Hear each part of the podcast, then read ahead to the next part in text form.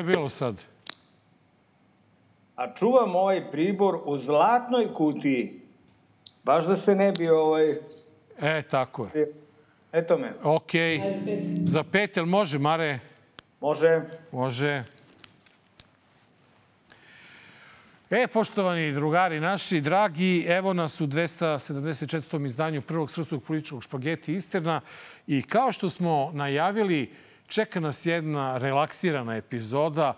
Relaksirana epizoda u kojoj neće biti mnogo priče o izborima, o Kosovu, o tome kako će opozicija da nastupi na njima. Bavit ćemo se nekim manje bitnim temama kao što je državni kriminal i tako dalje. Tako da, eto, šta da vam kažem, vreme je došao i trenutak da se malo relaksiramo, a ne da živimo pod nekom tenzijom i da tražimo odgovore na neka pitanja na koje niko nikada neće da nam odgovori. Tako da, Mare, eto, malo relaksacije u pravom trenutku. Da se relaksiramo na navijačkoj tribini, da se relaksiramo u teretani, da se relaksiramo u streljani, sa šefom i sa velikim šefom kada zatreba. Znaš kakvi su bomci, hoće da se zaigraju i onda mora i veliki šef da bude obavešten, a on ima neka druga posla, jel? Ko zna kako je, ko da, zna ko je veliki šef. Ba jeste, ali znaš šta, stvarno ova nekako nedelja za nama i, i bila je neko, nekako relaksirana. Znaš, samo smo videli ovog našeg mučenika jadno kako se i dalje bori da ispliva iz te banjske. Radojičića više niko ne spominje, sem Miloš Jovanović za koga je žrtva i Đilas koji kaže da nije žrtva. Tako da nekako o izborima mislim, mi ispadamo smešni koji se zalažemo za jednu kolonu, jer mi ne vidimo ono što drugi vide, a onda, znaš, tako kada, kada nema... Nisu, ne, ne, ne, izvini, nisu to drugi. Ja sam primetio ove nedelje, a ti me ispravi, ako grešim, da je naš drug Dragan jedini istupio otvoreno protiv jedne kolone u ovom trenutku. Da, dakle, da, on je rekao da mu se čini da neće biti jedne kolone na, na izborima. Tako je nešto rekao, je to? A, za, a što da. mu se čini? Jel ima Jel ima neka priviđenja ili ima neke informacije koje mi nemamo. Ne Ali on je, ja bih pozdravio zaista gospodina Dragana zato što, to, izvini, naše druga Dragana, brat, to što i njemu više nismo drugovi, ne znači da on da nije on nama. nije, tako da. Naravno, Dragan je naš drug. Ja bih samo pozdravio to što uh, su na neki način rašićene nedoumice oko toga ko je u kom fazonu u opoziciji. Ovi ostali, kukavice nisu smeli da govore ko je to protiv jedne kolone. I onda je naš drug Dragan izašao i rekao, slušajte, ja mislim da to... E, moram da naučim da imitiram ovaj, ali ja mislim da to je, ta jedna kolona to, to neće. Zašto? Zato. Mislim, znaš, ne, o, ovaj, vidim, on, ono što, e, što postoji kao mali neki očkridnuti prozorčić, to je da se navodno čekaju rezultati nekog istraživanja koji treba da pokažu koliko je opredeljenje opozicijonih birača za nastupom u jednoj koloni. Ono što je zanimljivo to je da je crta izašla sa, podat, sa nekim rezultatima koji govore o tome kolona. da... Ne, ne, o dve kolone. Znači jedna, jedna pro-evropska, druga pro-ruska kolona i to je nešto što ozbiljno ugrožava navodno rezultat uh, SNS-a i SPS-a. Ali, Mare, da ti kajem jednu stvar. Ne, da ti... Izvini, ali molim te, aj vidiš da mani imamo nultu temu. Pa da. Ovaj, kako prožava kada se meni čini da će ta proruska kolona da bude u ovom narodnom pokretu za državu koji, ovaj, kojim Vučić pokušava da se ščupa iz... Gledaj, ja mislim ne? da... Ne, ja mislim da, to, da taj narodni pokret neće da zaživi do, do izbora. Ne verujem da će da zaživi za izbor. A ako bude zaživao, to će biti, to neće biti to. Uh, imamo imamo uh, rečenicu više puta ponovljenu Miloša Jovanovića koji je rekao da uh, ta stranka njegova neće nikak, u nikakvu koaliciju sa SNS-om posle izbora. Tako da, eto, barem se on jasno obradio. Ali šta ako je koalicija državotvorna? Kako je to narodnog spasa koalicija? Pa onda, onda čekaj, pa Naš što... DSS. Izvini, Mare, a što odmah, odmah napadaš prorusku priču? Što možda će neko iz prozapadne priče da uleti u tu koaliciju? Mo, možda države. hoće. Možda Pa- si u pravu. Pa E, znaš, da. ali šta sam teo da ti kažem? Kaži, E, kaži. Kako, kako e, stvari stoje, za sada su neke četiri kolone na proevropskom nivou i tri kolone na proruskom nivou. Tako da imaš jedno sedam kolona, pa brate, udri. A ja mislim da ovaj Vučić tako masti svoj brk, bez obzira što ima problemi, što mu stvarno nije lako, da mu nestajemo i mi na muku mnogo, ali čovek stvarno ide sa onako, sa kilo parizera ide na sedam kolona bez ikakih problema, Mare, to je ono, znaš, stvarno, ali da se vratimo mi na nebitne teme, se slažeš? Naravno. Ma, nebitne teme, pričat ćemo o izborima, ima još vremena i tako Izvini, dalje. Samo, ne, da otasim gledalcima, ima nezgodan radni sto. Dakle, kada stavim ovaj tefter na njega, onda krene da se e, Drma, drma. aha, aha, O, e, e. I onda moram, brate, da se... Uh, jebi ga, takav je ovaj 16. studio koji su me stavili. Ok, dobro, pisat ću ovde ovako. Tako da nemoj da, da, da se čujete, dragi gledalci, nije zemljotres. Ovde gde sam ja, nema zemljotresa nikad. Ajmo, To je imunotlo. Elen, Da. e, svi znamo, svi smo govorili o tome i redko ko ima dilemu, ko iole s- razmišlja zdravorazumski u ovoj zemlji, da je ova vlast ne samo na čelu države, nego na čelu i mafije. I o tome mnogo govori i e, dokument do koga je došao KRIK. Uživajte u narednih minut i po. Danas Krik objavljuje onom kojem se sudi zbog levenja ljudi, šef je visoko pozicionirani pripadnik policije, Nenad Vučković Vučko. On je bio nadređen huligansko-kriminalnoj grupi koju je prvo predvodio Aleksandar Stanković Salem Mutavi, a zatim Veljko Belivuk. Taj audio snimak, to je neki materijal koji kao nikad do sad u stvari pokazuje dubinu, odnosno i veza države i kriminala i kako to funkcioniše. Znači ovde po prvi put uh, možemo da vidimo kako te stvarni, stvarno rade u praksi i vidimo da praktično ljudi iz policije, a Vučković je vjerojatno jedan najznačajnijih tih spona između uh, države kriminala je praktično bukvalno bio šef i nadređen uh, svim tim kriminalcima savjetoh je dao im je naloge šta da rade i praktično kako da postupaju u svetu kriminala. U prepisi koju objavljuje Krik, kad Belivuk kaže da je spreman da preuzme grupu, Vučković odgovara. Ja znam to. Zna ona. Zna šef naš. Zna glavni šef.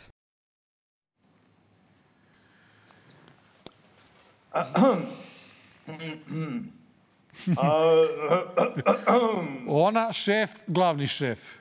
Ko je ko? Pa, Nenade, ovo je nekada bila emisija, dok sam ja bio u studiju, a, mi smo više puta rekli otvoreno šta se priča, kakva je ta krimi, e, piramida organizovanog kriminala u Srbiji. A, ona izgleda, pričalo se, jel, to su glasine, ne možemo proverimo, mi smo fina gospoda, idemo na šampite, a, tulumbe, ispod sača i tako, kakve mi veze nemamo pojma. Ali, pričalo se da je piramida, u donjem delu su navijači, huligani, dileri, onda ova e, e, Nikarina i onda Vučić. Tako se pričalo. Dakle, jedina misterija tu nije glav, mislim, u toj, uh, u, u toj, u toj uh, fantazmagoriji, jel, koju sam prepričao, a koju sam više puta čuo. A, e, nije ko je glavni šef, nego ko je šef. Ona, to je valjda Nikarina.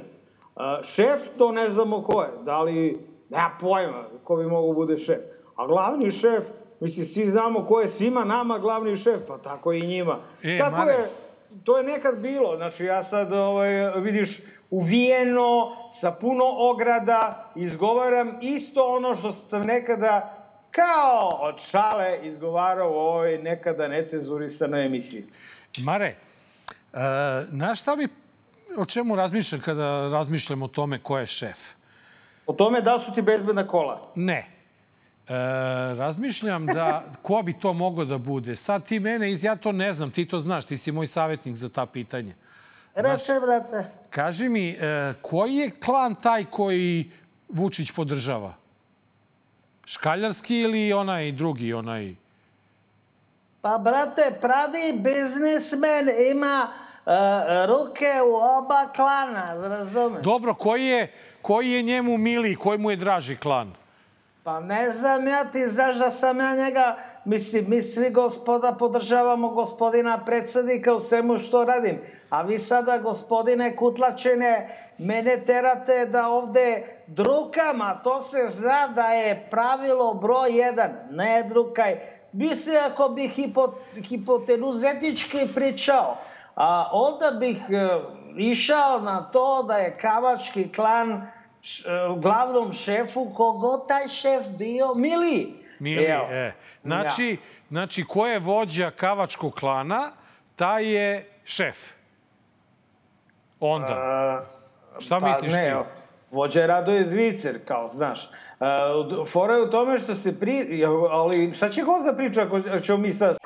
Ove, pa ne, ne, ali ja, evo, ja ti ja razmišljamo, lako ćemo sa gostom mi, nego ja ne znam. Ja, ja, ja vidi, a znaš, ono kao palo mi na pamet, kada kao ako je ona ona, onda možda i ovaj Neša Slina bio taj, ali Neša Slina da bude šef, to je bre, ono, znaš, malo je to nemoguća misija. Nemoj se... Možda je Neša ona.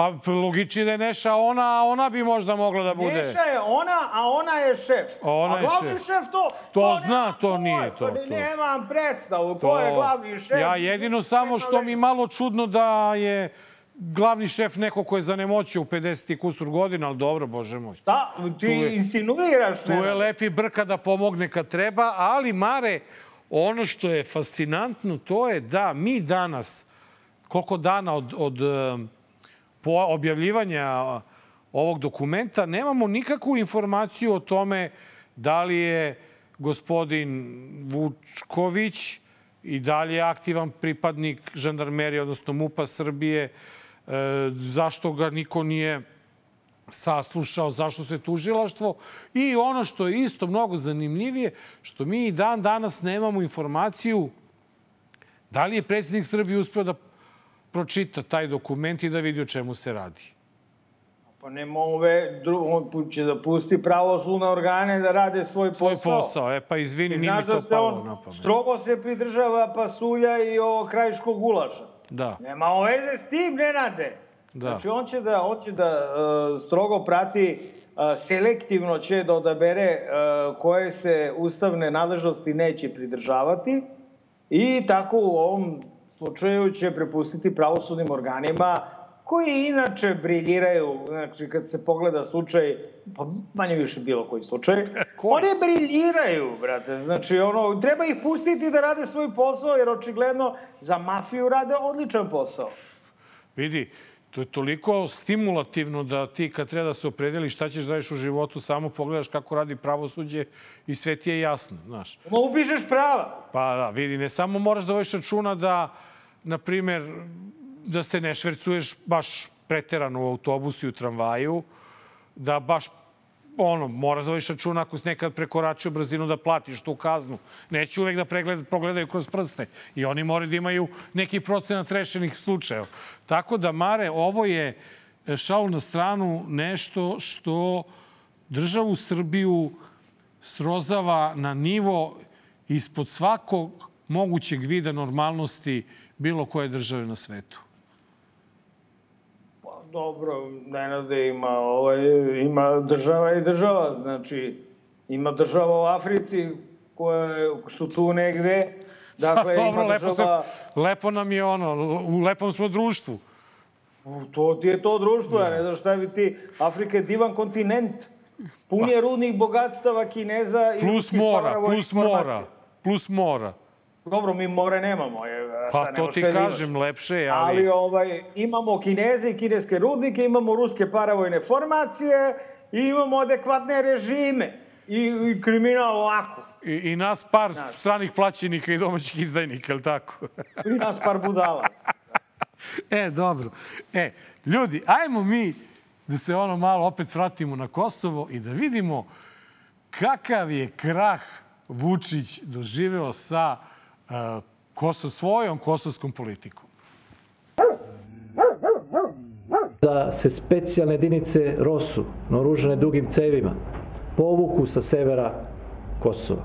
Drugi zahtev je bio da se svi uhapšeni, neosnovano, neopravdano, bez dokaza, uhapšeni Srbi puste na slobodu, to je da se amnestiraju. Sledeće bi bilo da svi grad, lažni gradonačelnici podnesu ostavku i nakon toga bi mogli da se održe fair i demokratski i slobodni izbori. I naravno, preduslov, to jest uslov svih uslova, to je početak formiranje zajednice srpskih opština. Zamolio bih naše ljude da oni izađu s inicijativama za što bržom organizacijom izbora na severu Kosova i Metohije. Poslušat ćemo njegov savet i spremni smo da pošaljemo poruku sa ovog mesta da smo spremni da učestvujemo na izborima na, za gradonačelnike i odbornike četiri opštine na severu. Šta je sad? Ovo bio isti dan?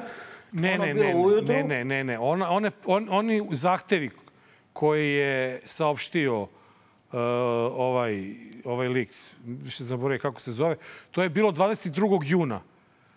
Onda je, onda je u četvrtak Vučić pozvao Srbe da preuzmu inicijativu, bez obzira što ni jedan od ovih uslova nije ispunjen, a onda je u petak ovaj rekao prihvatamo ideju predsjednika i tražimo nove izbore. Znači, bez obzira što se specijalci nisu povukli, bez obzira što Srbi nisu pušteni iz zatvora, bez obzira što ovi nisu podneli ostavke i bez obzira što nije počelo formiranje zajednice srpskih opština. Znači, sva ta četiri, ta, te četiri crvene linije politike Aleksandra Vučića prema Kosovu sve su pregažene, daj samo da se vratimo na izbore.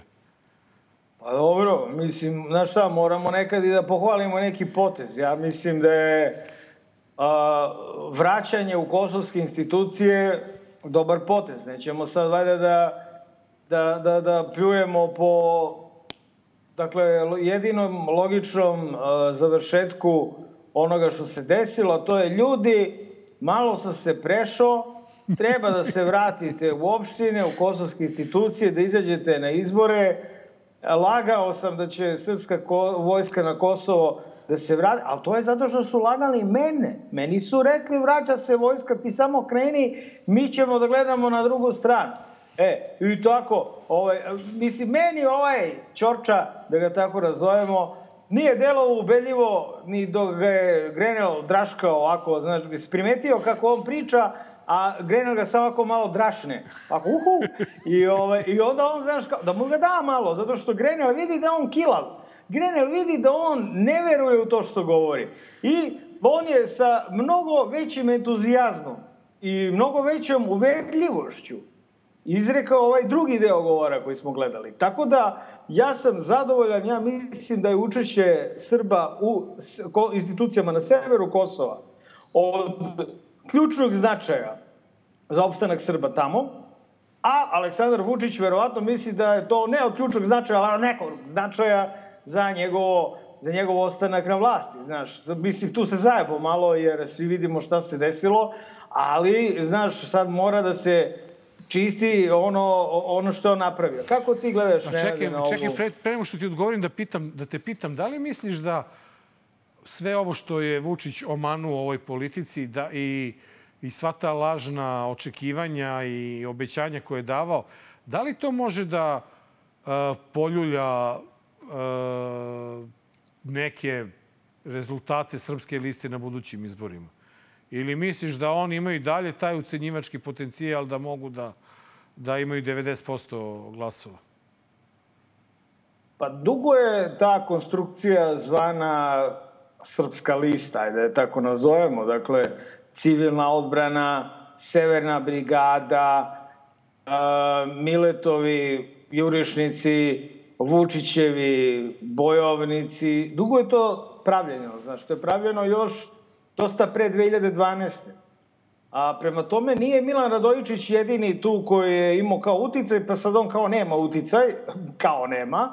I sad su oni odjednom slobodni. Srbi na Kosovu, e, nažalost, Srbi na severu Kosova, o šta nažalost, brate, boli me bre više, ću vam pravim te ograde, brate. Srbi na severu Kosova će se osjećati normalno tek onog e, trenutka kada se integrišu u državu Kosovo. A to im je država Srbija podarila. Dakle, i međunarodna zajednica. Dakle, zajedničkim naporima e, Srbi su putem srpske liste i tog terora nad njima koji ne vrši Albin Kurti i njegova policija i ti i ja, Nenade, smo slušali svedočanstva od Srba sa severa Kosova, kako izgleda odnos kosovske policije prema njima. Nije, dakle, kopanje očiju deci, nego jedan pandurski odnos najnormalniji. Dakle, uh, problem koji oni imaju je, bojim se, nerešiv. Jeste, to je... No... Vuku Veselinoviću... Uh, da, reci, reci. Uh, nešto sam krenuo prekida, ne znam da. Nešto je, e, nešto je u tom odnosu između Vučića i kosovskih Srba prema mom skromnom mišljenju nešto tu više ne funkcioniše kao nekada. I e, bilo bi dobro zbog samih tih Srba na Kosovu da a, se pojave i neke druge snage koje bi mogle malo da ne znam, malo da poremete planove i Kurtiju i Vučiću i toj srpskoj listi. E, nisam siguran da je Vučićev e, Pa koje utice... su to snage? Ne, koje su to snage? Oliver pa, Ivanović? Pa ne, ne, ne. Znam da je to mnogo teže nego kod nas u Srbiji, jer i ovdje u Srbiji tražimo neke nove snage, pa ne možemo da ih nađemo. Ali, da ti kažem jednu stvar, e, nema, nema tu neke velike filozofije. Znaš, ako je Milan Radojičić, podpredsednik Srpske liste, kriv za ono što se tamo desilo, ja ne znam kako Srpska lista ima pravo uopšte da zahteva bilo šta na Kosovu. Razumeš? To je, to više nije pokrajinski odbor SNS-a. To ti je naoružana jurišna brigada SNS-a na Kosovu. Razumeš? Pa da, se radi. Je, Kako da učestvuju na izborima? politički faktor, Nenade, koji postoji na severu. Prema tome, mislim da Zapad ide na ono što je najpragmatičnije. Dakle, imaš tu srpsku listu, dva, tri šamara i srpska lista će odjednom, evo vidiš kao ovaj čorča.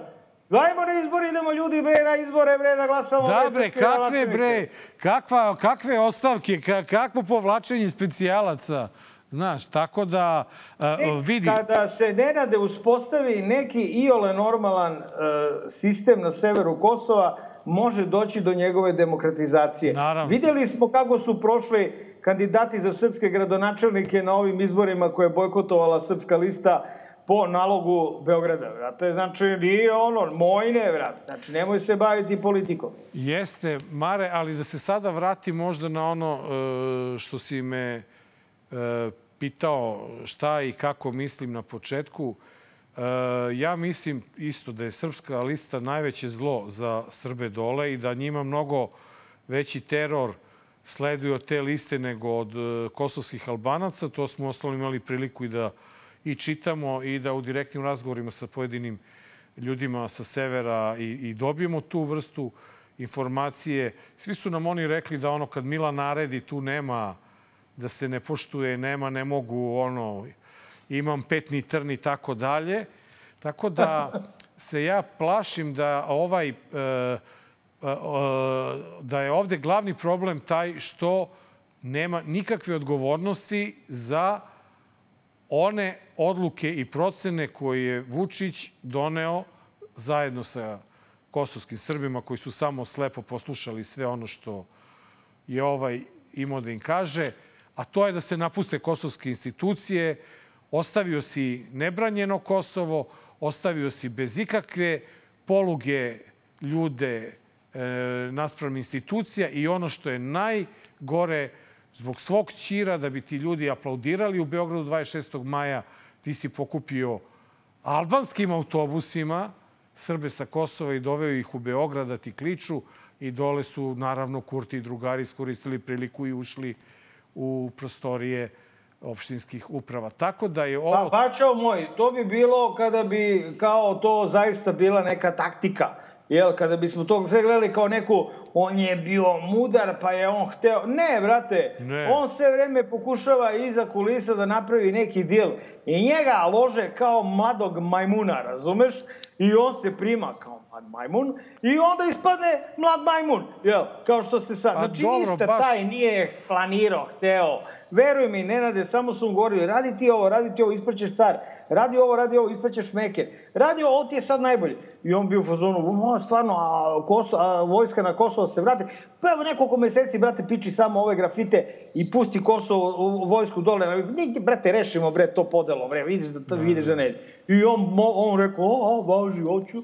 I na kraju ga podučko. Znači, Mares, da, da stavim tačku na ovu priču sa moje strane, ovo, ovo što je Vučić sada pozvao na, na izbore, govori, po mom skromnom mišljenju, da su njega pošteno pritisli, da ga dobro zavrću i da je on to morao da radi pljunuši na sve ono što je on do, do sada uradio, a što nikako nije bilo dobro za Srbe na Kosovu. Tako da je ovo stvarno dokaz da je njegova politika prema Kosovu doživela potpuni krah i, nažalost, moram da se složim sa tobom, Srbima na Kosovu je jedini spas da se, a, ajde da ne kaže možda tako grubo kao ti, ali da se odreknu Aleksandra Vučića i da pokušaju da razmišljaju zdravorazumski o tome gde su, šta su i kako dalje.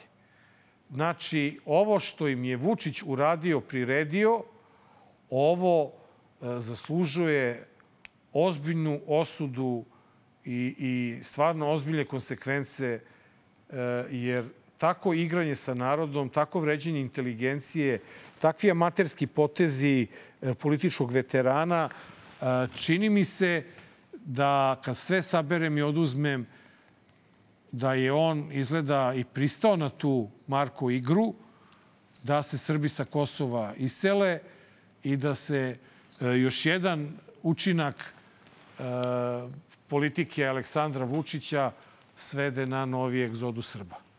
Na novog Slobodana Miloševića. A, eto. Ja sam, Nenad, izvini, pretačem ovde ovaj, uh, uh, vodu u limenku, ne pitaj zašto. Be, benzin, benzin pretačem ovaj, u, u limenku od, od 30 centilitara, jel, je zato što je nedo, nestašica benzina. Ovde benzin 2,5 evra po litru. E, tako to sam završio. Ja sam iskusan u tome, to sam radio da i gledalci i 94. i 95. u Srbiji mogu da radim jel, i ovde, ovde se pije, a sad ne smijem da pijem zato što je brendirana i ova limenka. Dobro, nema veze, piću u, u, u, ovaj, u pauzi. Ne znam, ne znam šta si ispričao, ja mislim da smo mnogo ozbiljili, bra, ja sam pokušao da se zezam, e. ti, bra, ti udari u patetiku, nja, naši Srbi iz Kosova, druže, sve je isto, sve se zna i sve se vidi. Prva glasina koju sam čuo, i to ću ponoviti, kad je bio uh, teroristički napad u Banjskoj, prva rečenica koju sam čuo od dobro baveštenog izvore, Vučić se dogovorio sa Zapadom. Slušali smo onoko šta je pričao Dušan Janić u prošloj epizodi. Znate, znači sad ti ja nešto da možemo samo konstatujemo da je Ćorča ovaj, e, malo napredovao i tako, znaš, malo se zekimo, brate, ovo je dobar loš zao, šta Da. mi ćemo sada, E, ajde, da nećemo, idemo, idemo, idemo, na idemo na još jednu, sledeće? još jednu relaksirajuću temu, a to je Dobre. pokušaj e, vlade Srbije da na vrata, zakonska vrata, progura inicijativu za gašenje nezavisnih medija u Srbiji. To je nešto slično što se događalo u, u Mađarskoj. Očigledno je došlo do nekog prepisivanja medijske zakonodavstva iz, iz, uh, iz uh, Mađarske pa i Polske. Pitanje Rema je pitanje koje je već, više, već dugo vremena na uh, političkoj agendi, tako Europskog parlamenta, Europske unije i svi znamo kakva su očekivanja da će to biti regulatorno tijelo koje je nezavisno od političkih utjecaja, ali kao što smo mogli vidjeti u sad, poslednjih nekoliko godina, tu se ništa bitno nije promijenilo, tako da ta kombinacija ovog zakona sa Remom kakav je i kakav će verovatno ostati, znači da su se srpske vlasti odlučile da se uda, oddalje, udalje od svojeg europskog puta i da krenu neko očigledno nekim drugim putem. I to je jasna poruka i ja se očekujem da će tu biti reakcija sa strane ne samo Europskog parlamenta, nego i sa strane Europske komisije. Detektirali smo probleme koji se otvaraju sa jačanjem pozicije REMA koje, neovis, koje uh, nije neovisno tijelo, koje je previše povezano sa, ajmo reći, nekakvom uh, vladajućom politikom i zapravo u odlukama koje donosi ne doprinosi demokratizaciji i pluralizmu u medijskom sektoru. Kako izgleda Srbija i ovo sve što se događa iz evropske perspektive, neshvatljivo, teško i pitanje koje se zaista postavlja na koji način će Srbija nastaviti na tom evropskom putu ukoliko će izmjenu regulative i pritisak na medije i medijski pluralizam nastaviti ovim tempom. Mare, izvini, pre nego što, pre nego što bilo šta kažeš na ovu temu, upravo u trenutku kada snijam ovu emisiju, stigla je vez da sporni stavovi u članu 122 nacrta zakona o elektronskim medijima prema kojima je bilo predviđeno da će REM određivati cenu koju će kablovski operateri plaćati za redistribuciju programa nacionalnih televizija, biće obrisani iz verzije, finalne verzije dokumenta. To je Me, odlučeno... Menjaju se stavom da će predsednik lično određivati cenu i to je, brate, to je to, je. Znači, šta sad? Znači, održan je sastanak E, misije OEPS-a sa predstavnicima Ministarstva informisanja i novinarskih i medijskih udruženja, tako da, ako je verovati ovoj vesti, džabe smo Mare ovo stavljali u, u priloge, ako je povučeno, ali je zanimljiv način na koji je država htela da ugasi e, ono malo medija koji joj smetaju u ovoj zemlji. Pa znaš šta, ne rade, samo možeš opet komodno ti da nastaviš, zato što ja, brate, me, NUS je slao onoliko primetbi uh, na ta dva zakona o elektronskim medijima i o medijima uh, da ja sam ih čitao i to je, znaš, nešto popuno ono, u skladu sa time kakav je se režim u Srbiji i meni uh, do kraja nije bilo jasno šta su oni te, oni su teli naravno tu da naprave neko sranje, jel, da država ima apsolutnu kontrolu nad time ko dobija pare, ko će se gde emituje, zar nije tako bilo već do sad. Zaista, e, ne mogu jebi ga baš sad svim da se bavim, jel. E, I iskreno da budem, tolika se dreka digla, da sam sebi rekao, jebote, ako Nenad stavi ovo ovaj, u priloge, kakve smo sreće ima da ga ukinu i, i, i pre nego što smo snimili emisiju. Da. Tako je i bilo. Drago mi je da država nekoliko puta se desila slična stvar, dakle i sa zakonom o policiji, koji je daleko gori od ovoga, i sa zakonom ovaj, o, o izmenama zakona o krivičnom postupku, koje još nisu gotove, ali par puta smo i to uspeli da sprečimo. Možda ne baš mi lično iz Dobar lož zao, ali, ali i mi. Evo i sad smo uspeli da sprečimo i pre nego što smo ono emitovali prilog. Uh, dakle, tolika se, kad i dođu ovi ljudi, ozbiljni ljudi koji smo imali prilike da vidimo u ovoj neozbiljnoj emisiji, jasno je, ja, ja, ja sam baš bio u fazonu, čekaj, da li će ovaj sada koji sluša sve i pristaje na sve, da se kada je reč o tim zakonima, evo ispostavilo se da neće, Ništa neobično, me, za mene to nije iznenađenje. Ali na šta, na šta se ja plašim? Uvek on nađe način da nešto protera. Znaš, šta je proter? Na ova, šta ga je ova, ova, ova, dva, ova dva sporna detalja je sklonio, a šta će da nam uvali, to niko ne zna još. A neće ništa da uvali sad. Znači, on je poznat po tome da uvaljuje docnije. Dakle, uh, ja sam načuo da će, evo sad se neko oštri da pravi izmene krivičnog zakona a, za, e, de, za dela silovanja, naravno propisu, propisujući i nasilje u porodici, gde treba budu drakonske kazne. Dakle, neko će hteti da propiše drakonske kazne. Ali, kako to obično u Srbiji biva, ja sam žestoko najebo zbog takozvanog tijeninog zakona, kada je vlast uh, popuno opravdano donela izmene krivičnog zakona po kome je a, silovanje nemoćnih lica, dakle, za, za to je propisana najteža kazna, ali je vlast istim izmenama zakona donela set članova kojima štiti samu sebe od državnog udara, od mojega, od tvojega, Nenade, ne znam šta nisu radili. Dakle, treba da budemo oprezni. E, svaki zakon kada se donosi, drago mi je da su kolege iz novinarskih udruženja, domaćih i stranih, revnosno ovo čitale, zatrpavale mi inbox svojim impresijama kako ovi zakoni ne valjaju. Molim sve kolege, sve kolege pravnike, ovaj, da, da čitaju sve što ova banda pokuša da donese. Pre neki dan sam sa našom advokaticom koja nas zastupa u slučaju Šupić protiv nas dvojice, ovaj, a, a, Sarom razgovarao nekoliko a, setova zakona koji se krišom spremaju u ovoj zemlji. Jedan od njih je Lex Specialis vezan za Expo, 2000, uh, mini Expo, kao fake Expo, odgo znam kako se zove, ovaj, uh, 2027.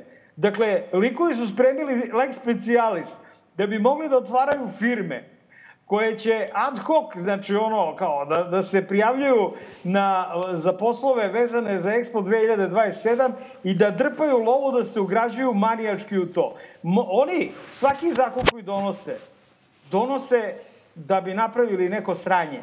Prema tome, uh, moramo da bud, ne sme se spavati. Pravni timovi opozicije, pravni timovi društvenog sektora, ovog nevladinog sektora moraju da budu budni kao Firer i noću i danju, nema spavanja, nema mokrenja, ljudi nešto će nam uvaliti. To što nije prošlo sad ne znači da neće proći sutra. Naravno, Mare, i, i prosto je nemoguće da toliko interesna sfera njemu, nešto poput medija, može da prođe bez ikakvih problema. Tako da...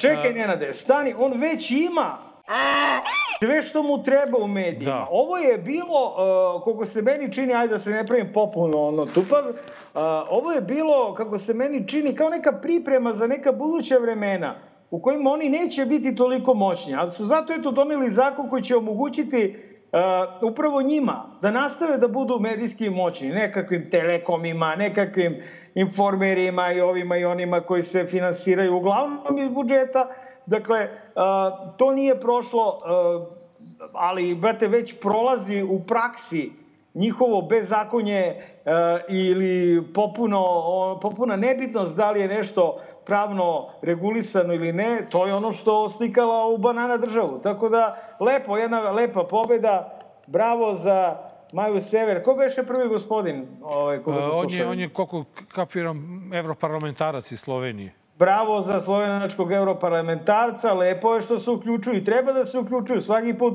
kada mi treba da... Oni treba da se uključe, ne, ne da im pomognu, nego nama da pomognu. Hvala. Tako da, eto, to je to. Onda da pređemo, Mare, na reklamiranje naših omiljenih pozdrava, to, omiljenih proizvoda, to je novina Nova i novina Danas. Nemojte nikada da zaboravite na naša nacionalna blaga, da nema njih E, ovaj svet bi bio mnogo e, lošiji, ne bi bilo prilike ništa da se normalno i pametno pročita, kao što e, se trudimo da ne živimo u nekom medijskom mraku, ali on nam se i dalje uporno nameće. Međutim, dok bude bilo... Nenade, dok bude bilo medijskog mraka, bit će i medijskog svetla u vidu dobar loš zao. Zao, pa to, to Nama, da nama medijski mrak odgovara. Da. Tako da idemo na kratak džingl i vraćamo se na razgovor s našim gostom. Dobar. Loš. Zao. Braće i sestre, čera proverim, uvijek proverim, zato što skleroza dolazi s godinama, 274. izdanje Dobar loš zao, a u njemu novinar samoubica. Čovjek koji se bavi uglavnom crnom hronikom, zato što mu je u životu previše lepo, novinar Nina, kod nas Drugi put u emisiji Vuk Cvić. Vuče, čao. Dobar dan, bravo. Ovaj, hvala ti. Uh, ajde da vidimo od početka, znaš, ti si ovde bio, naši smo, što se kaže. Ko je glavni šef? Po iz, tvom mišljenju? Iz prepiske Belivuka i žandara Vučkovića to je očito da je to isti onaj koga i Ana Brnabić zove šefom. A to ima još jedan koga spominju do duše Šarićevi u prepisci Sky koja je stigla iz inostranstva. Oni zovu Oskara, neko ko svemu odlučuje, ko treba da im sredi predmet i tako dalje. I koji se u sve meša. A možda najdirektnije to je rekao policajac Milan Dumanović. On je bio gost ovde kod vas. Rekao je za NIN, e, pa je zatim to rekao u aprilu 2021. utisku nedelje, da pare od prodaje droge dele BIA i SNS, a da su u vrhu piramide braća Vučić. E, evo, u Novom Ninu pišemo o tome, pošto je Dumanović dobio pravosnožnu presudu. Bija ga je tužila zbog toga, ali je oslobođen. A, ono što je činjenica to je da u, u Srbiji um, postoje informacije i postoje informacije koje idu od usta do usta i često su te informacije validnije od onih koje se plasiraju preko medija, zato što i mediji ne mogu da plasiraju glasine kao proverene informacije. Ali sada smo stigli dotle da su glasine i, i stigle do nivoa da, da, da, da praktično dolazimo do ogoljenosti povezanosti dr samog državnog vrha sa organizovanim kriminalom, ali takođe istovremeno ne postoji način da se to na bilo kakav način reši. Pa ja ne znam ni jednu zemlju, ni jedan primer da je kriminalac uhapsio sebe, da je pokrenuo postupak protiv sebe, da je sebe osudio i onda otišao na odsluženje kazne zatvora do kraja. Ne znam zašto bi se to desilo u Srbiji. Pošto smo mi u zemlji gde su zarobljene institucije, ne rade svoj posao, tužilaštvo proganja policajce i policija sama proganja profesionalce u svojim redovima, a štiti one koji su povezani sa organizovanim kriminalom, promena, neophodna je promena političke volje da bi se to istražilo do kraja. A šta misliš u poslednjih, evo, 12 godina? A, imamo indicije da je ova vlast e, i postala vlast e, zahvaljujući e, pomoći organizovane kriminalne grupe sa severa Kosova. A, imamo indicije da je ova vlast učestvovala u stvaranju navijačkih narkokartela, prvo Mutavi, zatim Belivuk, ali imamo indicije da je ova vlast takođe asistirala na određeni način i gospodinu Šariću. Imamo indicije zapravo da ovde nema organizovanog kriminala u kojoj vlast nije upletena. Da li e, je to e, varka? Da li postoji neka eto, organizovana kriminalna grupa, reče ili neki dripci, kažu, ajmo mi, brate, sad se bavimo ovo kriminalom, a ovaj, e, mimo države, jel? A onda je neko rekao, je, pa čekaj, ne, ne može, nema mesta. Nema mesta za mimo države. Pa ima tih slučajeva, neki su u zatvoru i vode se postupci, ali Pa sve je počelo, to su i priznali i predstavnici vlasti. Čak i sam Vučić rekao da se slučajno do duše video sa Stankom Subotićem Canetom koji je bio optužen da je vodio organizovanu kriminalnu grupu koja je švercovala cigarete krajem 90-ih. Vojislav Šešelj, njihov otac, je rekao da je Stanko Subotić finansirao SNS pre dolaska E, na vlast. A ono što je zanimljivo, što se desilo sa postupkom Stanka Subotića što je utvrdio Vrhovni sud Srbije, do duše u drugom sastavu od ovog danas, dok su još bile stare iskusne sudije, je da je Stanko Subotić ovde oslobođen tako što je kršen zakon u njegovu korist. Isto se desilo, na primjer, i sa Lukom Bojovićem, koji je evo slobodan građanin u Srbiji. Isto je Vrhovni sud utvrdio da je oslobođen tako što je kršen zakon u njegovu korist. Evo, Luka Bojović sada spominje u nekim zanimljivim e, poslovima e, i biznisu koji je vezan za državu. I to je ono što ste vas dvojica spominjali, koji kartel e, od ona dva koja mi uslovno zovemo po nekim toponimima iz Crne Gore u kojima su zapravo šefovi iz Srbije, pa oba oba su uključena. Imamo tu informaciju, Ninu sam je objavio. Misliš da ih je država davno. pomirila? Pa vidimo neke čudne saradnje. Znamo da je, na primer, Vučić prozivao Filipa Koraća, ali e, pripadnik Vučićeve član, e, stranke i član, e, šef za ta podavalska sela, je e, rekao, što sam i napisao u Ninu, da je Filip Korać finansirao SNS i njegov otac je član SNS-a. Kako da, bre to sve? Eto, kad sklopimo ko je sve finansirao od Stanka Subotića, Filipa Koraća, naći ćemo tu razna zanimljiva imena.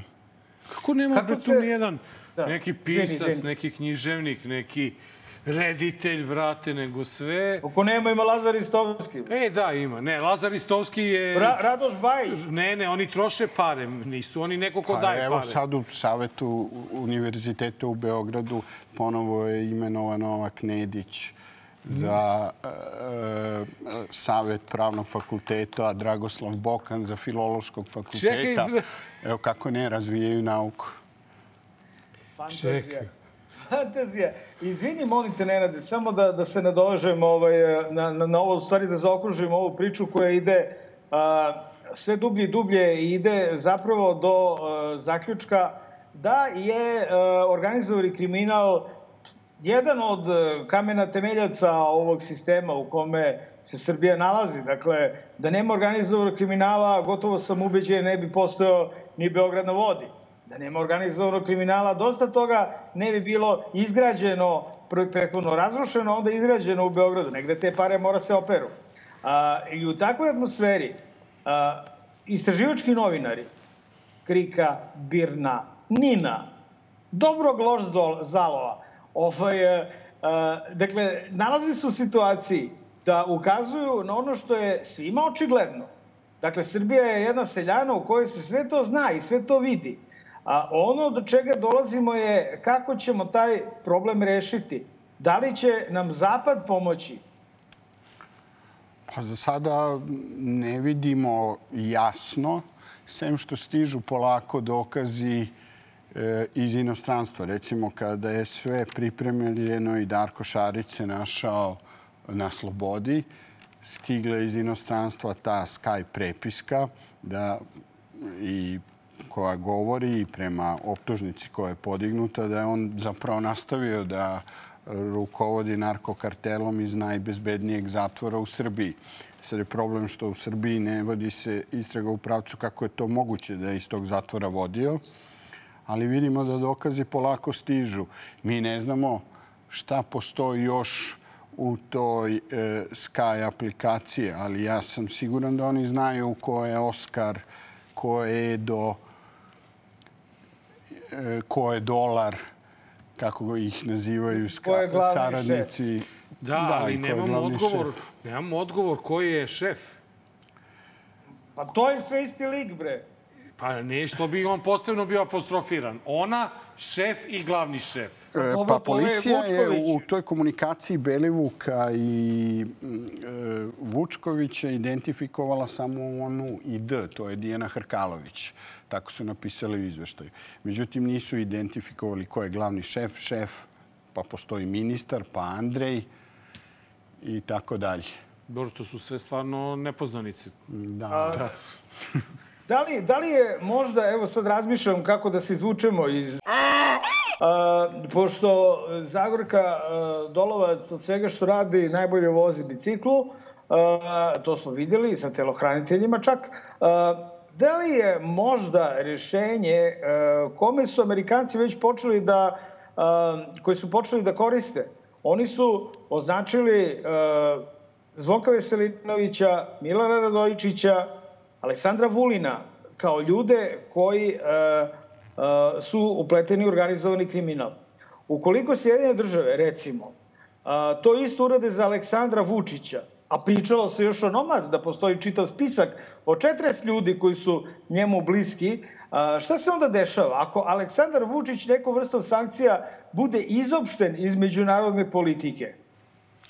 E, pa, to će biti krajnji pritisak, ali ja ne verujem da će to biti uskoro i prvi korak. Moguće je da će se još neko pridružiti iz tog okruženja njegovog Vulinu, Radojčiću i Veselinoviću. ono što je zanimljivo jeste i da tamo piše za Radojčića i Veselinovića i sumnja da stoji iza ubistva Olivera Ivanovića. E, to se isto ne razjašnjava ovde. E, vidimo da se te stvari koje su postaju sumljivije s ovim što je Krik otkrio i sve pre toga, e, postaje, ima ih sve više. Pa tu i glavni e, sekretar vlade Srbije, Novak Nedić. Ko je taj lik, brate? Pa, osim što je sada sekretar vlade i, i u savetu pravnog fakulteta, on je vežbao pucanje sa, tako je podneo vojni sindikat optužnicu, sa Belivukom, sa ubijenim Aleksandrom Stankovićem, Saletom Mutavim i sa žandarom Vučkovićem u kasarnom Pančevu. Šta, to, to, mu je, to mu je CV. Vežbo pucanje, posto ovaj, ovaj kako A kaže... smo ga sad kad su bili protesti kako predvodi one umetnike. Predvodio badinaše, predvodio da, da, da. vežbo pucanje i o, eto ga u vrhu vlade. Pa imamo i onu službenu belešku iz policije Beograda za onaj, to sam prošle godine pisao u Ninu, za upad u klub komitet tamo u Beton hali gdje policija razgovara sa vlasnikom komiteta koji kaže da, ne, da se plaše da dođe u stanicu i da ga je pozvao neko iz vlade. Onda se oni nalaze van policijske stanice, tako piše u Belešci, i on im kaže da je, ga je zvao Novak Nedić, koji je tražio od njega da sve to zataška i uputio ga na Belivuka koji je to isto rekao. Pa se to ne ispituje. Niko nije pitao Novaka Nedića. Je to ovaj, gore pomenuta Zagorka Dolovac koja ima pravo da uvidu sve predmete i da traži sve dokaze nikada se nije setila nikog od njih da pozove na kafu. Silom prilika... Žulja, žulja je bicikl, brate, žulja je bicikl. Da. Se, se. E, ono što je zanimljivo, a to je kako komentarišeš da Aleksandar Vučić još nije komentarisao, još se nije izjasnio po pitanju dokumenta koji je Krik objavio?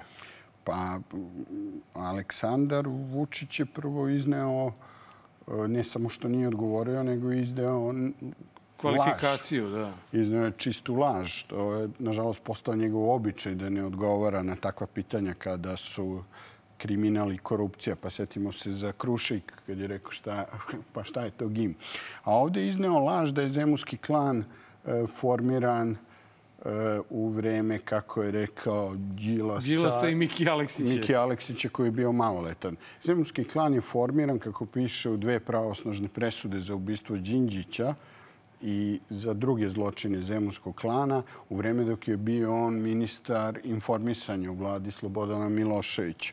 U trećoj presudi za ubistvo Ivana Stambolića i atentata Vuka Draškovića u Budvi, takođe što se desilo u vreme Slobodana Miloševića, piše da su članovi Zemunskog klana bili asistenti i pružili logistiku u tim političkim atentatima. Tako da je jasno za, kome i zašto služio Zemunski klan. A, da, e, ali... ovaj, e, izvini, ne, U ostalom, to je i zanimljivo on je neke ljude iz Zemunskog, koji su bili povezani sa Zemunskim klanom, abolirao. Setimo se Zlatibora Lončara u pravosnožnoj presudi za uh, Zemunski klan, za 17 ubistava. E, ima, ima nešto... Ovaj, piše da je on ubijao, ubijao ljude koji su preživeli atentate. E, sud se poziva na iskaze svedoka saradnika kojima kaže poklanja veru. Pa je on bio ministar zdravlja. Tu i Vojislav Šešelj, ko, protiv koga je bila podneta krivična prijava za ubistvo premijera. Pa vidimo kad se vratio iz Haga, ništa se nije dešavalo. Šešelj nije krio da je blizak i da igra šah sa Dućom a, Spasojevićem, ali ono što je meni sad palo na pamet, a ne znam, ti si me toliko puta prekinuo dok sam pokušao da postavim to pitanje, da se pitam da li je to znak možda da prećutim, ali neću. ne. A, zato što a, je reč o glasini koja uh, traje još od maja.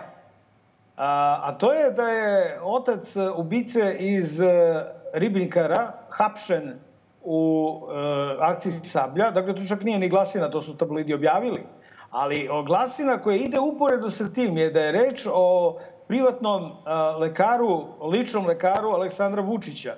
Naravno, to što je neko, nekom lični lekar ne znači da ovaj, nema, nema nikakve odgovornosti dakle, na gospodinu predsedniku ako mu je ovaj zaista bio lični lekar. Ali ono što mene buni je da li je, ukoliko je to istina, ti ćeš mi reći da li ti čuo nešto o tome, a, možda onaj sav krizni menadžment koji smo gledali vezan za ubistvo Ribnikaru, zapravo bio privatni krizni menadžment i, i da, da je to zato tako izgledalo kako izgleda, a ne uh, krizni menadžment na nivou države.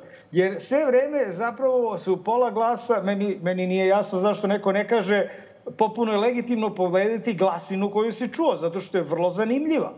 Da li je, da si ti čuo to? E, čuo sam razne glasine koje za sad ne mogu da potvrdim, nemam e, dokaze. Ali ono što si ti upravo sad ukazao, vrlo je čudno ponašanje vlasti i, i koji je izabrana komisija, koja je sklanjena iz komisije koja treba da e, ispita šta se desilo u Ribnikaru i u selima e, u, kod Mladenovca. E, vidimo da postoji nešto što se zataškava. Šta? Još nismo sigurni. Vidimo i da je ukinut anketni odbor. Navodno bio je izgovor e, što su to tražili roditelji. Roditelji su zapravo tražili da se ne ispituje ono što ispituje tužilaštvo i sud, ali ne širi kontekst. I nije bilo u pitanju uopšte za, za ubistva kod Mladenovca. E, sa druge strane vidimo da su roditelji zahtevali odgovornost za ono što smo videli, da Veselin Milić od Beogradske policije pokazuje spisak e, dece koja je prema njegovim rečima sačinio maloletni ubica. Oni su tražili odgovornost, to je uradio pred ministrom Gašićem, međutim za to nema sluha, kao što je brzo potezno ukinut anketni odbor. Vidimo da vlast tu pokušava nešto e, e, da zataška i da ono što je očito, to je pokazao i ministar Ružić, ministar prosvete. Ako ništa drugo, postoji ta politička odgovornost koja je u Srbiji zaboravljena.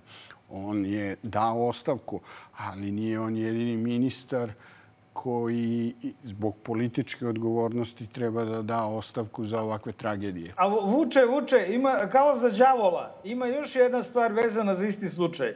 A to je da se sumnja da je majka ubice iz Ribnikara umešana u svojstvo veštaka u e, nemogućnost e, prepoznavanja DNK materijala kad je reč o, o slučaju ubistva na šinama. Pa ko, šta se bre to dešava, brate? U, da, ubistva koje, za koje je bio optužen Belivuk i Miljković pa su oslobođeni. A, onda je uhapšen policajac Dejan Jović koji je vodio istragu pa je proganjan. On je oslobođen. Nažalost, umro je.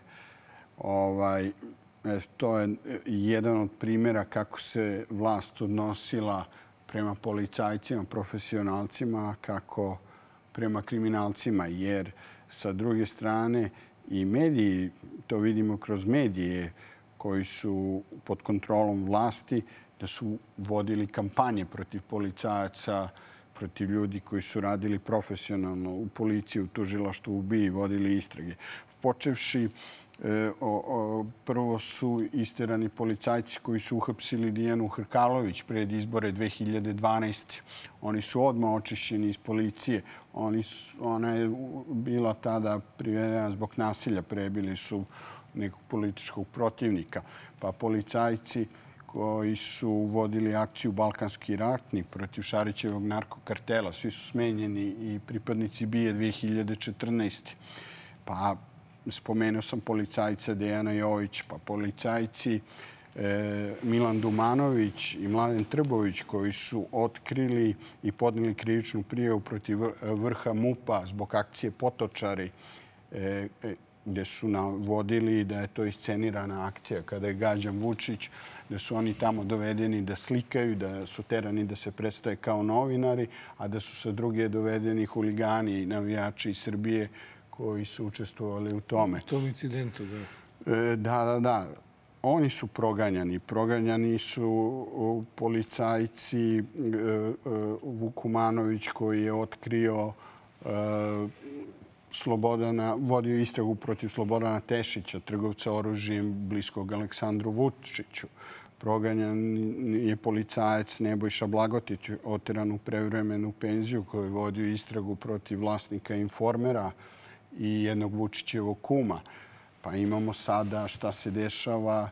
Tu je inspektor Kecman koji je otkrio čuruvine ubice koji je tri puta bio, bile su informacije da je životno ugrožen.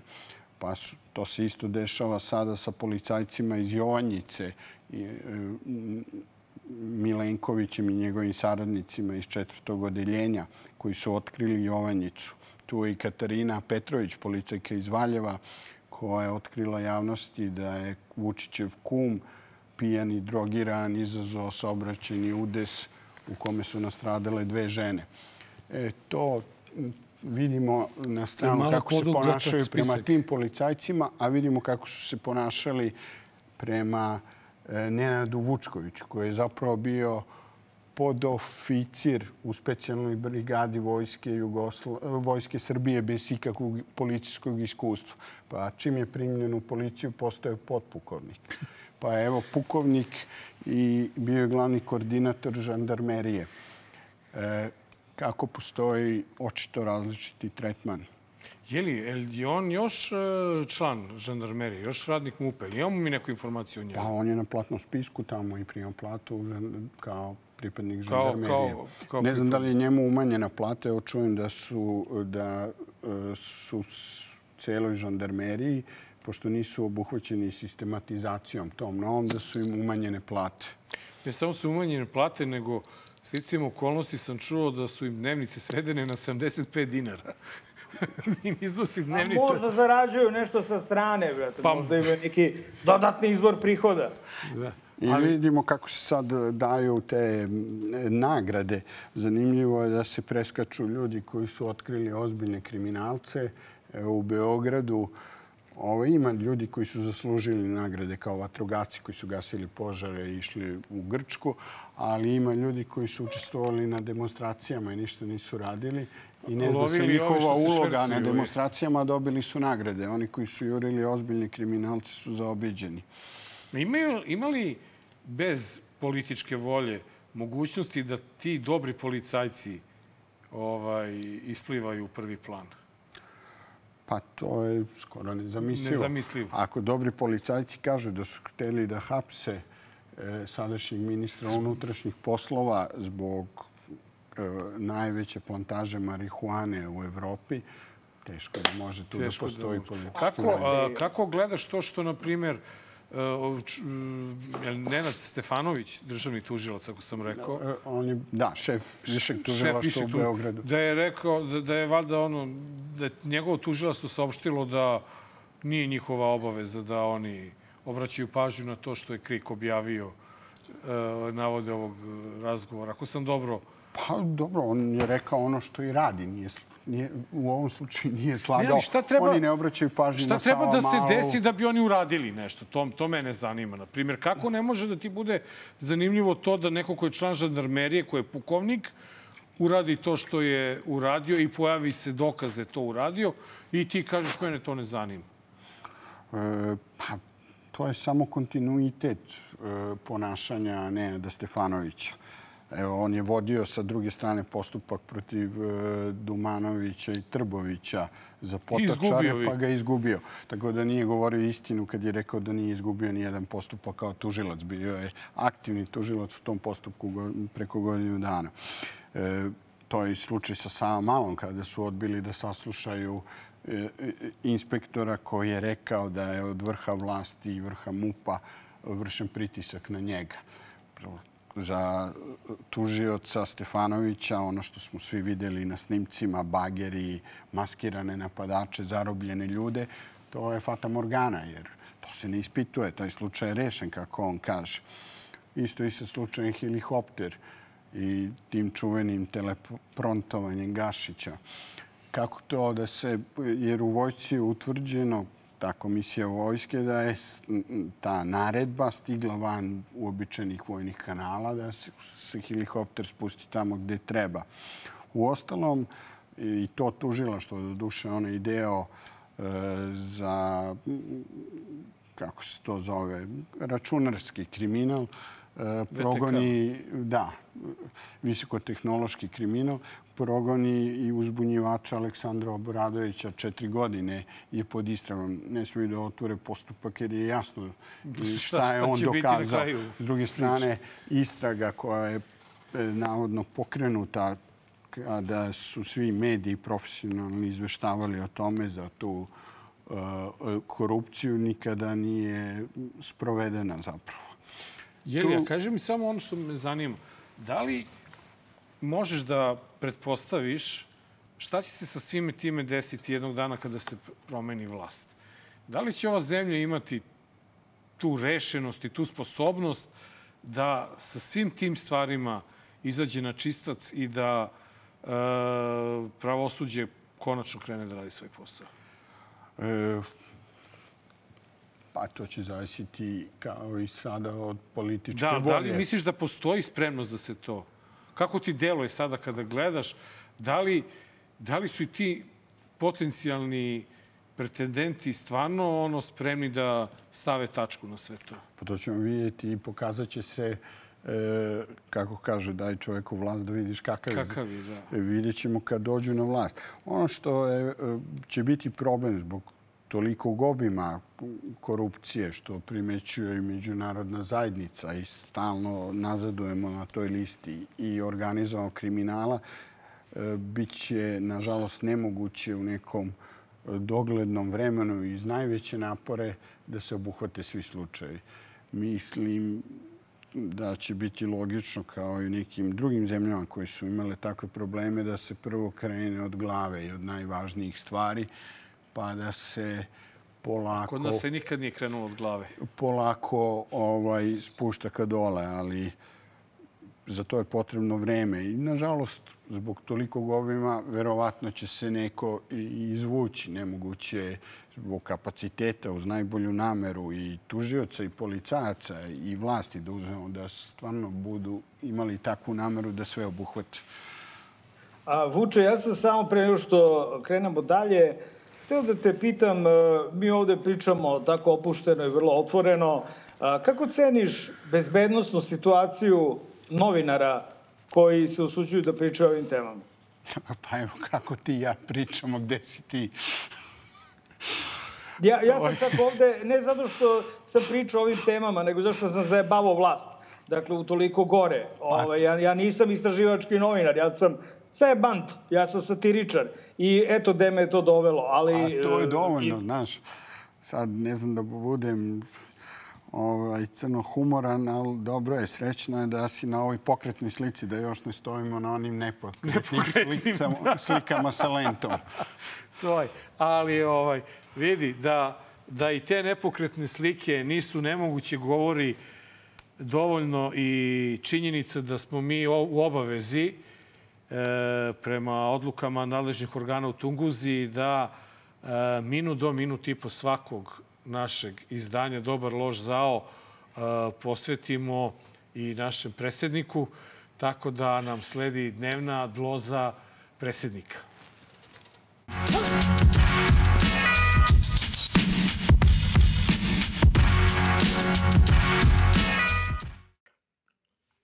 Kolega Koločine, Nadam se da se ne ljutite što vas oslovljavam kao kolega, jer mi u neku ruku to sada i jesmo. Samo što za razliku od vas, koji je skrenuo sa pravog puta i koga plaćaju da ostane na pogrešnom kursu, ja sam ovde dobrovoljno, da kažem, volontiram, pokušavam da vas vratim na pravi put ispravim krive drine koje vi krivite u toko emisije. Ali iznenadili ste me mnogo lepše izgledate od kad ste skratili te brkove. Još samo ja da tu jezičinu uspem ovako da vam skratim i gde će, gde će vam kraj biti. Toliko ste zaselili lepotom da jednostavno nisam ni video da imate gosta u studiju, ali ali sam čuo da se on bavi nekim istraživačkim novinarstvom, koliko mi se čini, tako da ne bih imao ništa da kažem o njemu, ni lepo ni ružno, ali eto mogu neki očinski, dobronamerni savjet da mu dam, to je da ne istražuje previše, da ne kopa. Mnogi su tako kopali, pa iskopali djavola.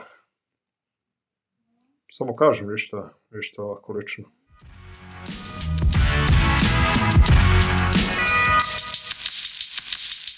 Evo, čuli smo uh, našeg predsjednika, a mi uh, smo u Magarećem kutku, 274. izdanje emisije Dobar lož zao. Uh, predsjednik je, kao što smo već pričali, bio je ponovo na televiziji prvoj. Prva, to je malo prva, malo happy, malo pink, pa onda kad izvrti dva, tri puta, eto, dođe i na RTS. Ali evo nekih zanimljivih detalja iz njegovog gostovanja kod e, gospođe Marije, čini mi se. Kad je problem neki na Kosovu, evo nosača aviona Gerald Ford u Jadranskom moru, onda Komečka Božana kad treba onda ode u uh, istočni Mediteran, onda ako zatreba otići će do Tajvana, otići će ovamo, otići će onamo, sve to super, sve to u redu. Ovaj u majici predaja nije opcija. To je tatin sin, po znacima navoda, tatin hrabri dečak koji nije dozvolio da mu skinu majicu kada su mu uperili cevi u lice. Samo da ljudi znaju, dve cevi puščane su mu uperili u lice. Moj sin nije hteo da skine majicu, predaja nije opcija. I sve što smo mogli čuti evo i danas od nekoliko predstavnika opozicije i naravno Dobro, čuli smo, da, malo duže traju ovi klipovi nego što smo predvidjeli. Elem, o čemu se radi? iskreno se nasmeo, on se iskreno nasmeo ovo, ove grešci. Uopšte nije kao što ume. Znači, prvo je rekao za a, američki nosače aviona da su mečka Božana. Onda je pričao o pod, po, podvigu svog sina koji nije hteo da skine sa dve e, sa dve cevi uperene u lice. Pritom, ja se sećam da je prošli put pričao da su mu uperili u grudi na ne znam koliko santimetara razdaljine i na kraju i ovo malo opozicije što su pustili, ova je morala da kaže seci, seci, seci. Pa kad nije prilog, Nenade, nije deo priloga, čoveče, naravno će seče. Ali vidim da su se i ona i on slatko nasmejali. Nasmejali, da. Što znači da im je zeleni simpatičan, bre. Da. Ovaj, ajde da, da, da čujemo mišljenje kolege novinara koji nije direktno involviran u politiku, jer ove jače stvari pratiš od politike. Kako ti gledaš na manipulacije njegove medijske? Pa, nažalost, to je postalo toliko uobičajeno. Evo i malo pre smo spominjali da nema odgovora e, na ovo što je otkrio Krik. Ali ako pogledamo unazad, zapravo on nije dao ni jedan konkretan odgovor ni na jednu kriminalno političku e, aferu, slučaj. E, nikada e, nije dao konkretan odgovor. A sve je jasno. Pa Sve, sve je jasno. Znaš, meni je malo i glupo da ti njega pitaš šta vi mislite o ovome što je objavio Kriko Vučkoviću kad on to zna. Ako je on šef, on sve to zna.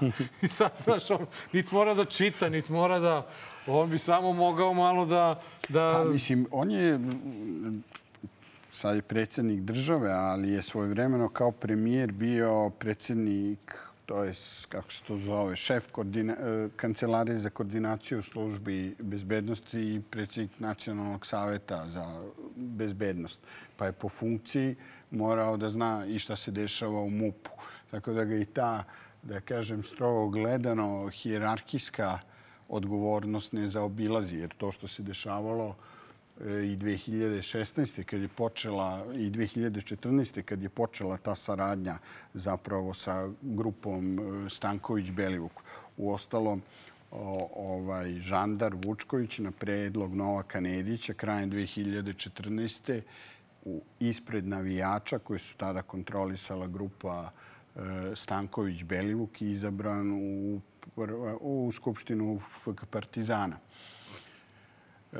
Tu je izabran i e, takođe u ime navijača e, Goran Colić, koji je sada načelnik sektora unutrašnje kontrole koji goni recimo policajci sa Jovanjice i tako dalje.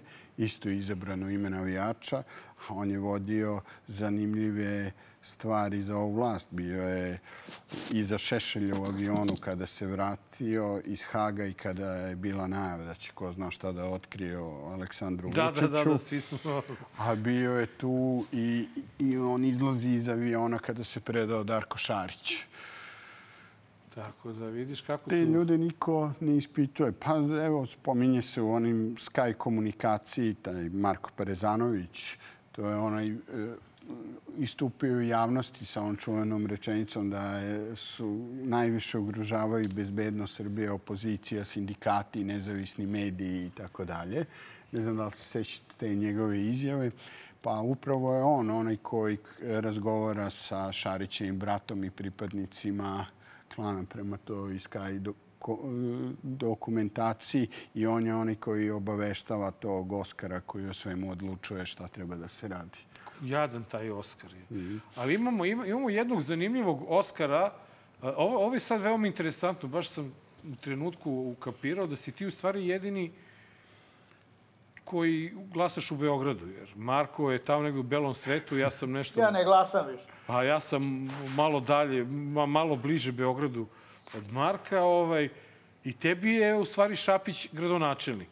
Ali taj e, nivo e, problema koji taj čovek izaziva iz dana u dan, onako, čak prevazilazi Vučića, rekao bih, jer on više ne zna gde udara, sa svima se svađa. On je uspeo da se, u, čini mi se, u ponedeljak posvađa čak i sa voditeljkom Beogradske hronike, koje je, mislim, ono, tek tamo je ono Milina gostovati. Nema šanse da te pita nešto što izlazi iz nekog okvira.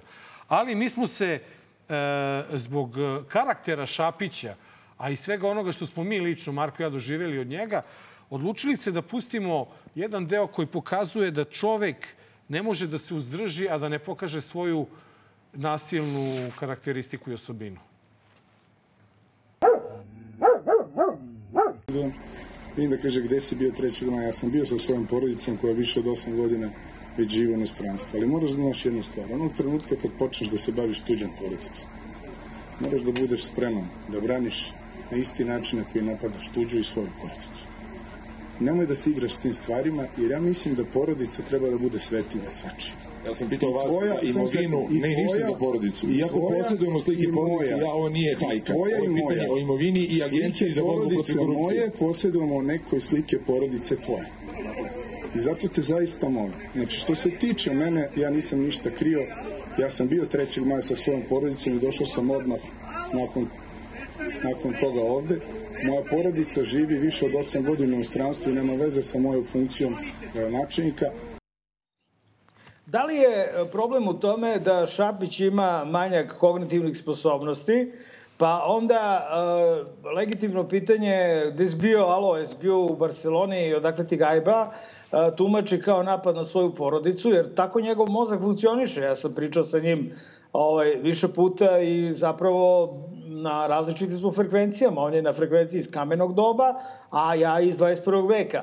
Ili je možda on uh, toliko pokvaren da namerno spinuje pitanja uh, koje se tiču uh, njegove imovine koju nije prijavio, a zaista za toliko imovinu je jako ovaj, zanimljivo znati odakle mu.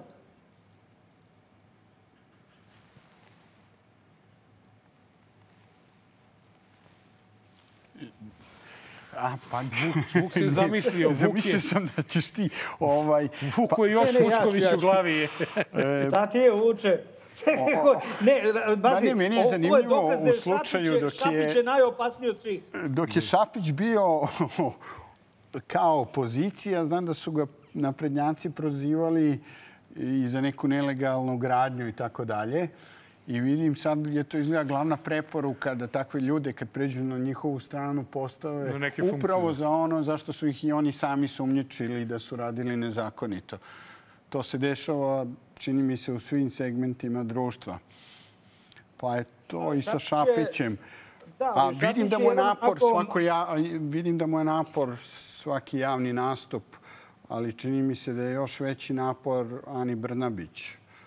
A Dobro, ona se ona je- nalazi Ne, ipak, jeste, jeste, barem ali- formalno, ali- ali- na mnogo odgovornijoj političkoj funkciji. Vuče Ana Brnabić nikom nije pretila porodicom, a ovo je mrtav vladan to uradio pred novinarima, pred svedocima, kad mu se nije svidjelo pitanje. Da li ti se čini da je, će i Šapić u jednom trenutku postati maneken cene hronike? Pa na dobrom je putu i to je e, ono što je Birno otkrio i to se dešavalo zapravo za vreme e, Vesića najviše, a to je ta e, nelegalna gradnja nakon e, donošenja zakona o legalizaciji. E, ono što postoji sumnja da su u pitanju milioni kvadrata i prema nekoj e, proračunu na taj način zaobilazeći zakon, zapravo nezakonito ovaj, e, graditi e, na nekih 2000 kvadrata, oni su dobri koji to rade oko 300.000 evra. A postoje milioni e, tih, Tih e, kvadrata. kvadrata. Mirjevo, čitave ulice, Novi Beograd, strana preko Dunava, Ovča, Borča, Voždovac, to su čitave ulice. Postoji svuda u gradu, ali ovde su čitavi blokovi zgrada za koje nema dokaza, zapravo nema u predmetu e, da satelitski snimak da je počela gradnja pre decembra 2015. kako zakon propisuje. A, vidjet ćemo kakva će biti sudbina Šapića. ali Te veruješ da je on odlazeći gradonačelnik u pravom smislu te reči ili da će ipak uspeti da zadrži tu funkciju posle u svakom izbora? slučaju u ovom trenutku odlazeći gradonačelnik je rekao da je dao o, ostavku. Ostavku, da. A da li će biti uopšte kandidat, to ćemo videti.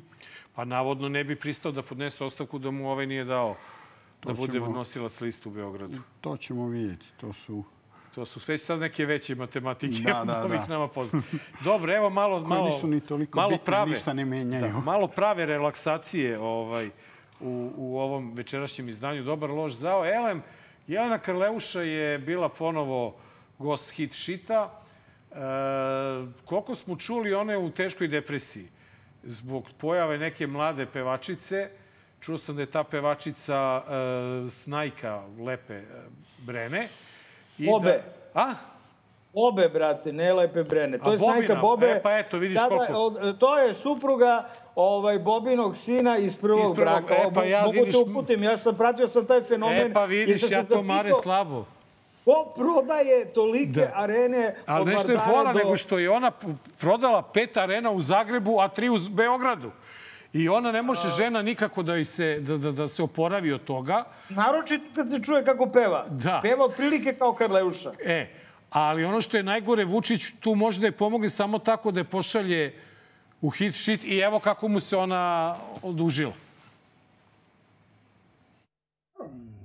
Ja sam neko ko čita, ja sam neko ko nema puteva E, na glavi. Ja volim da pročitam i želim da čujem šta neko ima da mi zameri.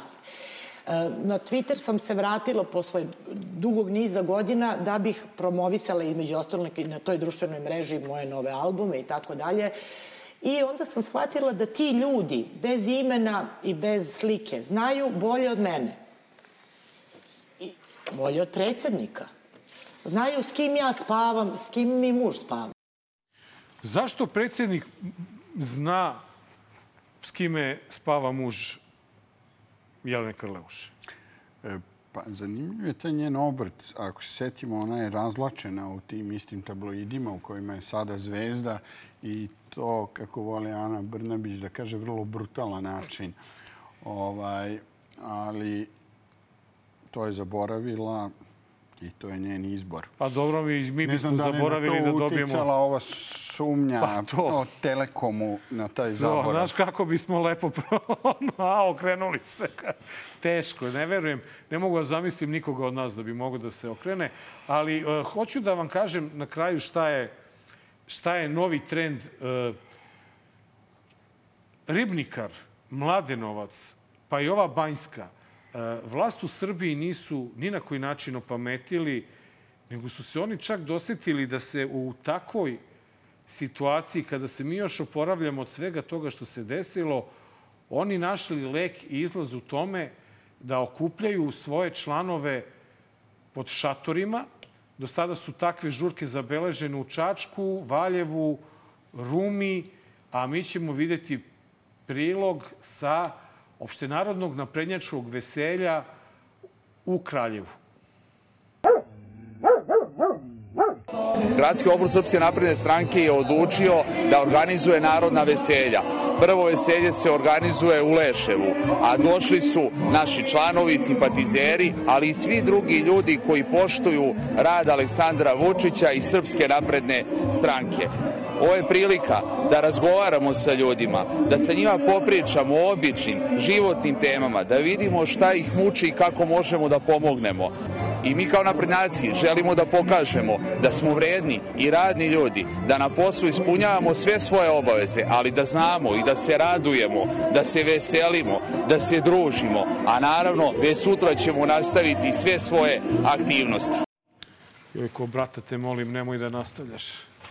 Kako ti se čini ovo, sad? Ovo je novo. Pazi, to je sada krenulo da se širi celom Srbijom narodna veselja Srpske napredne stranke po šatorima. Pa izgleda da nisu dovoljni sendviče i flašica vode. Videli smo na onom čuvenom kontramitingu da to nije bilo dovoljno. Ovaj, I kako su ljudi krenuli da odlaze, pa su pokušali da ih zaustave ovi batinaši u crnim majicama, ali su se i oni razrešili zbog uh, velikog broja ljudi. Oslovom, ja sam se prošetao tim e, kontramitingom da vidim te ljude i ono što sigurno mogu da posvedočim da su neki ljudi e, tamo dovedeni e, a da se ne slažu sa tom politikom. Ostalom, to su mi sami govorili. E, ovo je jedan e, sada drugačiji način. Vidjet ćemo da li će biti uspešan. Vuče, hvala ti puno što si bio u drugi put u Dobar loš zao. E, imamo li smo prilike da čujemo neke stvari kojima naročito se ja mnogo ne bavim. Marko još to i drži pod kontrolom. Ali hvala ti puno. Bilo je pravo zadovoljstvo razgovarati sa tobom o temama koje možda i, i nisam baš najbolje uključen, ali Marko je tu da izvuče celu hvala priču. Hvala vama. Kako se lepo izvadio sada Nenad, ovaj, nisam ja kriv, ne znam ja ništa. A, Vuče, hvala ti puno što si bio naš gost, dragi gledalci. Bilo je ovo 274. izdanje, Dobar loš zao, vidimo se sledeće srede na isto mesto, isto vreme, Nova RS, YouTube, 8 sati uveče, jedini podcast u ovom delu planete pod zaštitom Međunarodnog PEN centra.